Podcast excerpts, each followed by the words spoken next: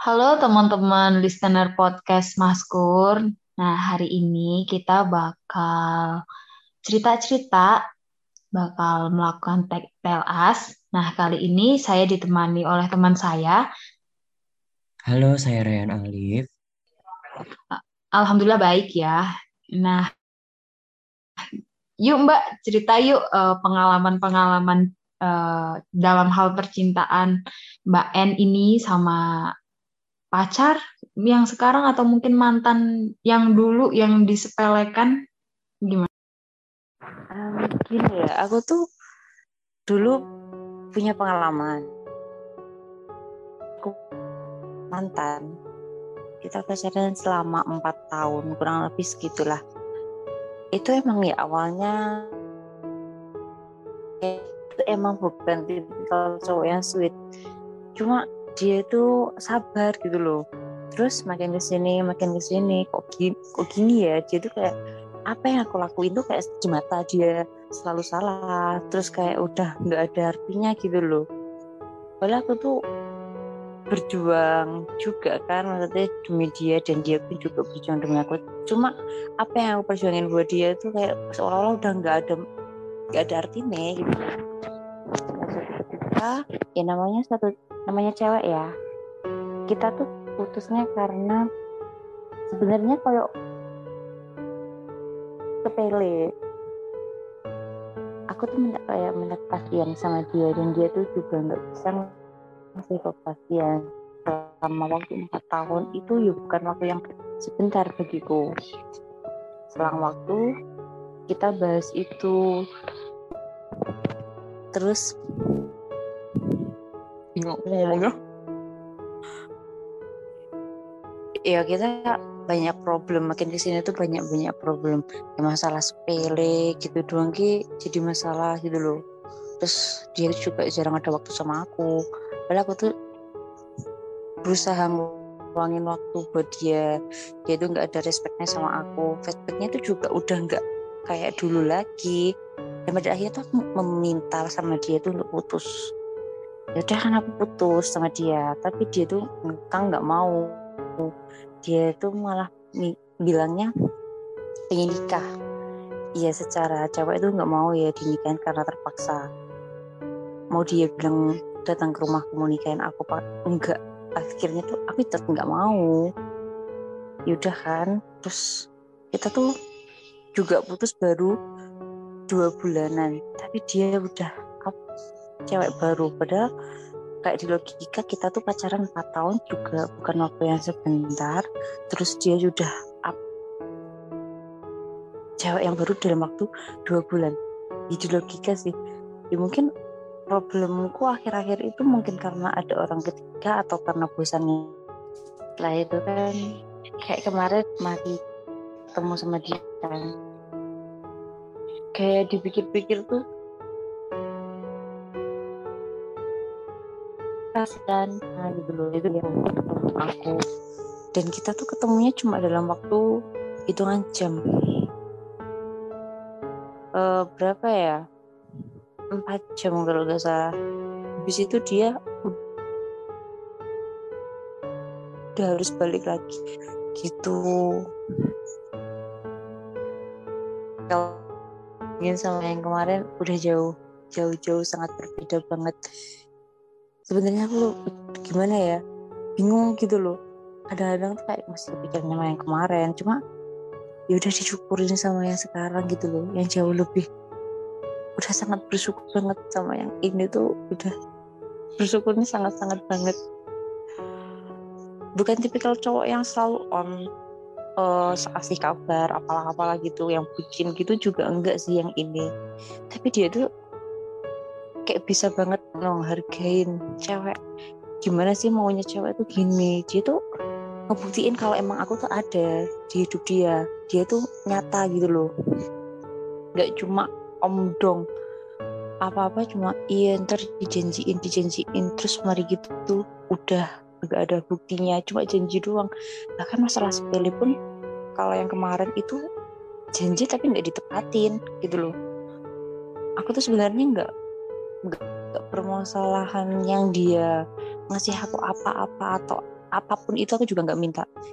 Yang menurut aku tuh ya hubungan itu yang penting komunikasi komitmen kejujuran. Sama cara sama saling menghargain gitu loh. Ya buat kalian yang mungkin lagi menemuin cowok yang kayak mantan aku atau nanti ya amit-amit jangan sampai deh kalian rasain apa yang aku rasain. Disepelein cowok itu sumpah sakit banget. Ya, cowok tuh nggak tahu perjuangannya cewek itu kayak gimana segi uh, apalagi kayak pekerjaan.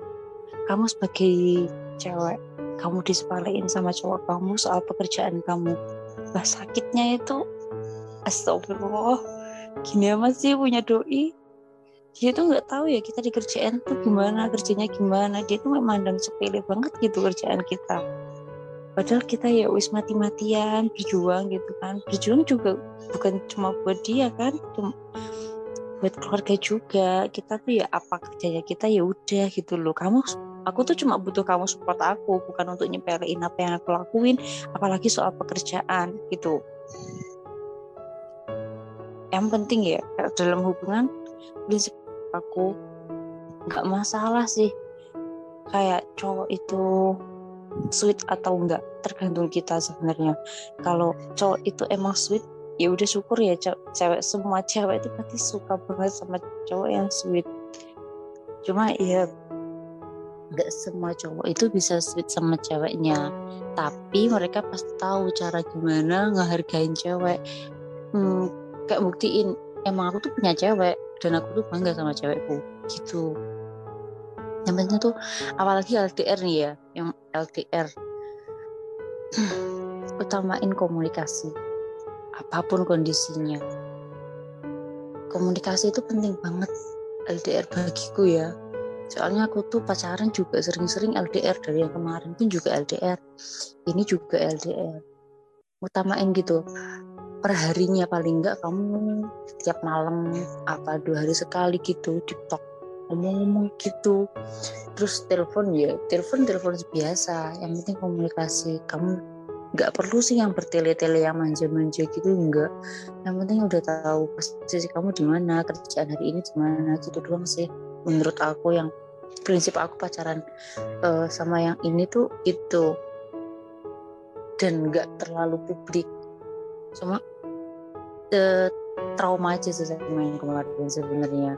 Terlalu publik kan sama sosmed di mana mana langsung di up di up itu apa pun di up di up kayak mikirnya sekarang tuh ah, gimana ya ya emang rasa puas seseorang tuh beda-beda. Ada yang dengan up itu udah kayak seneng banget gitu loh doi up itu tapi sekarang malah lebih kayak mikirnya ngapain sih di up kan udah jelas itu punya aku dan aku tuh udah punya cowok gitu loh.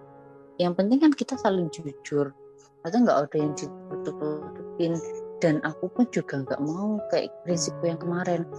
Terlalu toxic apa-apa yang harus uh, ngabarin apa-apa nggak boleh ke sini nggak boleh ke sana nggak boleh gitu.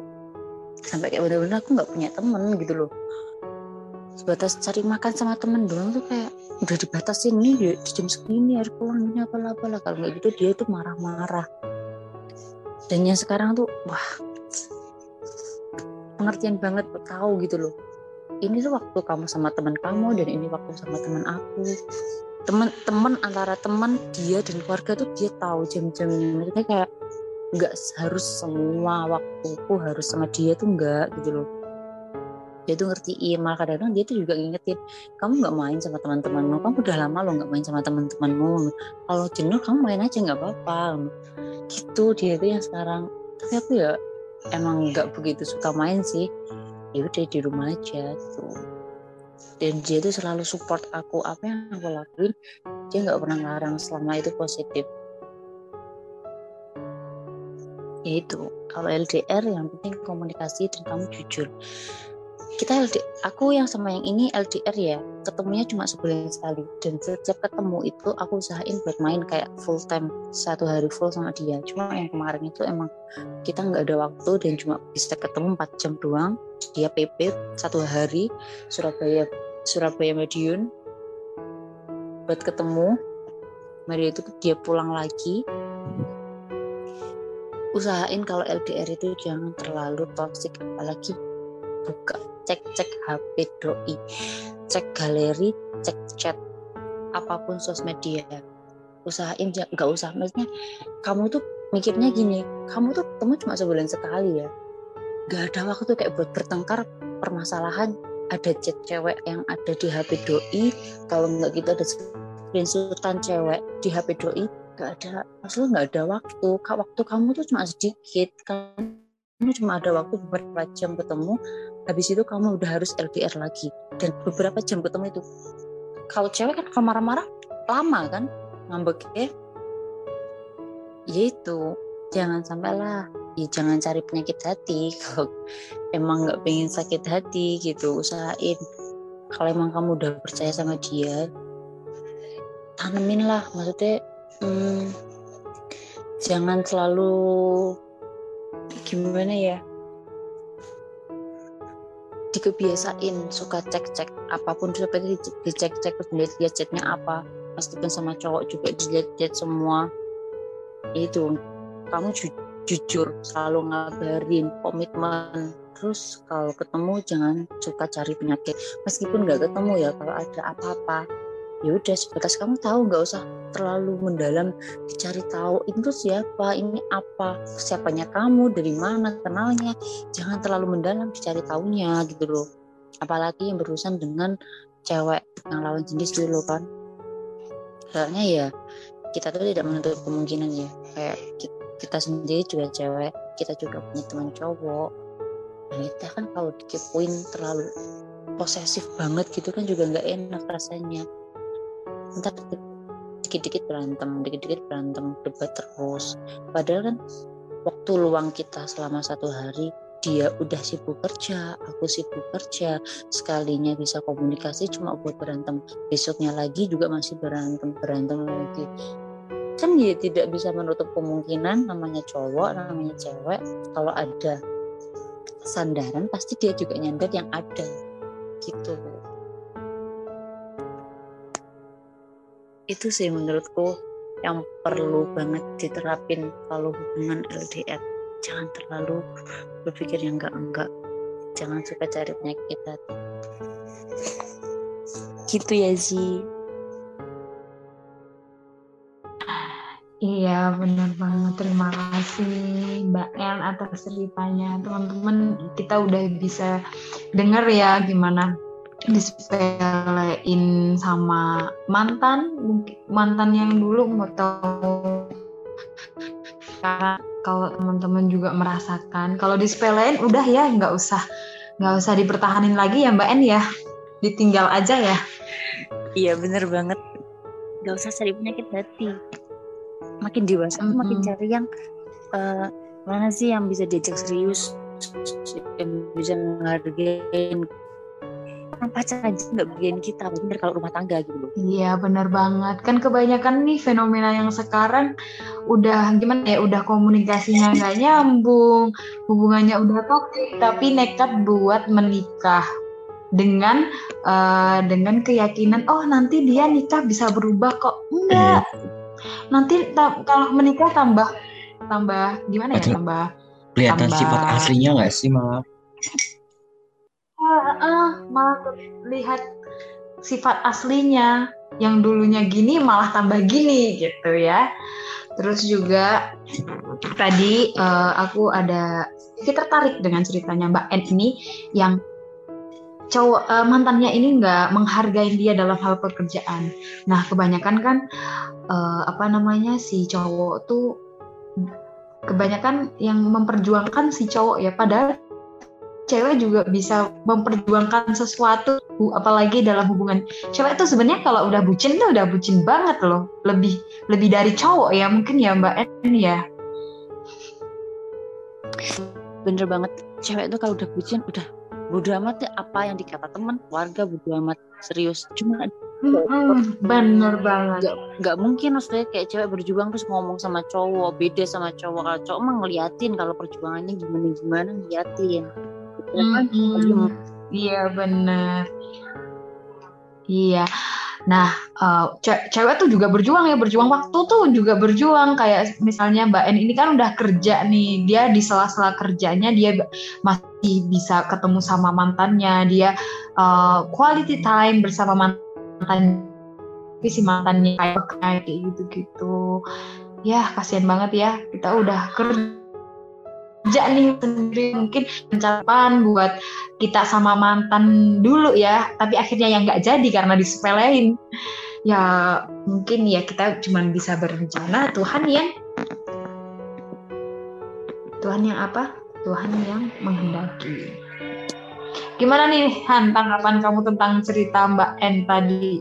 Ada sesuatu yang bisa diambil nggak hikmahnya? Kayak oh aku harus kalau dari aku ya oh ya dari saya Mbak N tuh juga menarik terus banyak pelajaran yang perlu kita ambil. Ya mungkin aku berbicara pada posisi laki-laki ya kalaupun aku punya perempuan yang dia toksik yang larang aku gini intinya toksik gitu kan. Ya aku harus tegas. Jadi kita tuh kalau punya pasangan entah pasangan entah temen kalau ngerasa itu toksik ya kita harus mempertegas diri kita. Oke saatnya kita harus mengakhiri. Karena gimana ya kalau orang toksik itu aku pernah baca ya kalau toksik itu di saat dia lagi uh, fase dia nggak toksik pasti uh, ketoksikan itu tuh apa ya mesti toksik toksiknya dia tuh bakalan nggak menyadarkan kita gitu loh. Kalau dia tuh sebenarnya toksik tapi sebenarnya sifat toksiknya itu tuh malah apa ya berdampak buruk banget ke kita gitu loh. Jadi memang orang toksik tuh gitu. Di saat dia nggak toksik mesti uh, baiknya baik banget. Tapi kita tuh nggak sadar dari balik uh, di balik kebaikannya dia tuh sebenarnya dia tuh punya sifat yang toksik gitu loh. Dan aku pernah ngerasain itu di pertemanan sih. Aku kan nggak aku kan belum pernah pacaran ya selama ini ya. Tapi aku pernah ngerasain toksik itu di temen jadi temanku itu kalau tan kalau pas lagi baik baik banget. Jadi aku tuh nggak sadar sama si sikap toksik toksiknya dia. Tapi di saat dia toksik dia benar-benar kayak bikin aku ya bikin orang yang bodoh kayak terus bikin orang yang gampang dimanfaatin gitu loh. Dan aku baru sadar setelah aku kayak renung kayak oh ternyata dia tuh toksik selama ini. Jadi ya udah aku mau nggak mau ya harus mengakhirinya. Meskipun dia bilang aku gini lah bilang aku itu. Yang penting aku um, terbebas dari orang-orang toksik. Soalnya orang toksik itu emang kayak gitu. Terus kita juga harus punya pendirian. Jangan-jangan kamu lagi ngomongin aku? Enggak, beda. Aku nggak pernah ngomongin kamu ya. Intinya kalau kita ketemu seorang toksik, udah ngerasa orang itu toksik, ya kita harus tegas sama diri kita. Jangan mau diperalat atau dimanfaatkan. Iya bener banget Rehan karena orang apa ya orang kar, uh, karena orang toksik itu manipulatif jadi kita ah, harus punya pendirian. Jadi kalau pas lagi nggak toksik ya, kita nggak sadar toksikannya dia. Benar. Makanya Mbak N itu uh, bisa bertahan empat tahun itu, masya Allah itu sesuatu yang harus diapresiasi nggak sih Han? Benar sih. Kayak kadang kalau inget tuh, tapi malah justru gimana ya itu bisa memperkuat diri kita gitu loh. Kalau suatu saat kita ketemu sama orang toksik itu kita bisa lebih waspada terus bisa lebih mempertegas diri kita. Jadi kita udah nggak takut lagi buat harus aku nanti ngapain ya? Tuh nanti kalau gini kalau gini. Nah teman-teman listener podcast Maskur uh, mungkin uh, quotes dulu ya dari aku untuk episode Us hari ini yang dispelakan yaitu uh, hindarilah orang-orang toksik, jauhilah mereka karena kebahagiaan kalian adalah prioritas utama kalian. Nah mungkin ada quotes dari Mazi untuk teman-teman listener podcast Maskur. Oke, okay, quotes dari aku menyambung quotes dari Rehan ya. Uh, benar kita harus hindari orang-orang toksik karena apa secara tidak sadar kita juga akan menjadi toksik karena lingkungan toksik akan membawa kita juga menjadi orang yang toksik maka dari itu jika kita tidak ingin uh, masuk dalam circle atau lingkaran toksik, kita harus mengcut off orang-orang itu.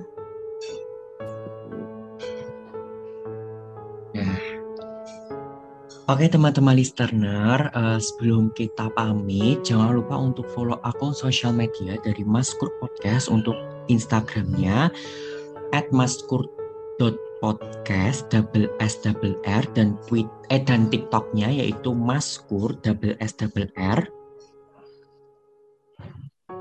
Dan juga Twitternya Mas itu maskur underscore p o d c s t. S-nya double ya dan jangan lupa untuk isi curious chat di bio Twitter kita. Jadi teman-teman bisa memberikan saran dan kritik terkait episode hari ini atau episode yang akan datang. Baik teman-teman listener podcast Maskur, mungkin uh, sekian episode hari ini tentang Tell Us dan tetap stay tune terus dan tunggu episode-episode terbaru dari Maskur Podcast. Saya Rehan Alif pamit. Saya Rizi Ramadhani juga pamit. Terima kasih juga buat gue star kita, Mbak N, yang tidak ingin disebutkan uh, identitasnya, maka kita sebut Terima kasih atas telasnya. See you next episode. See you.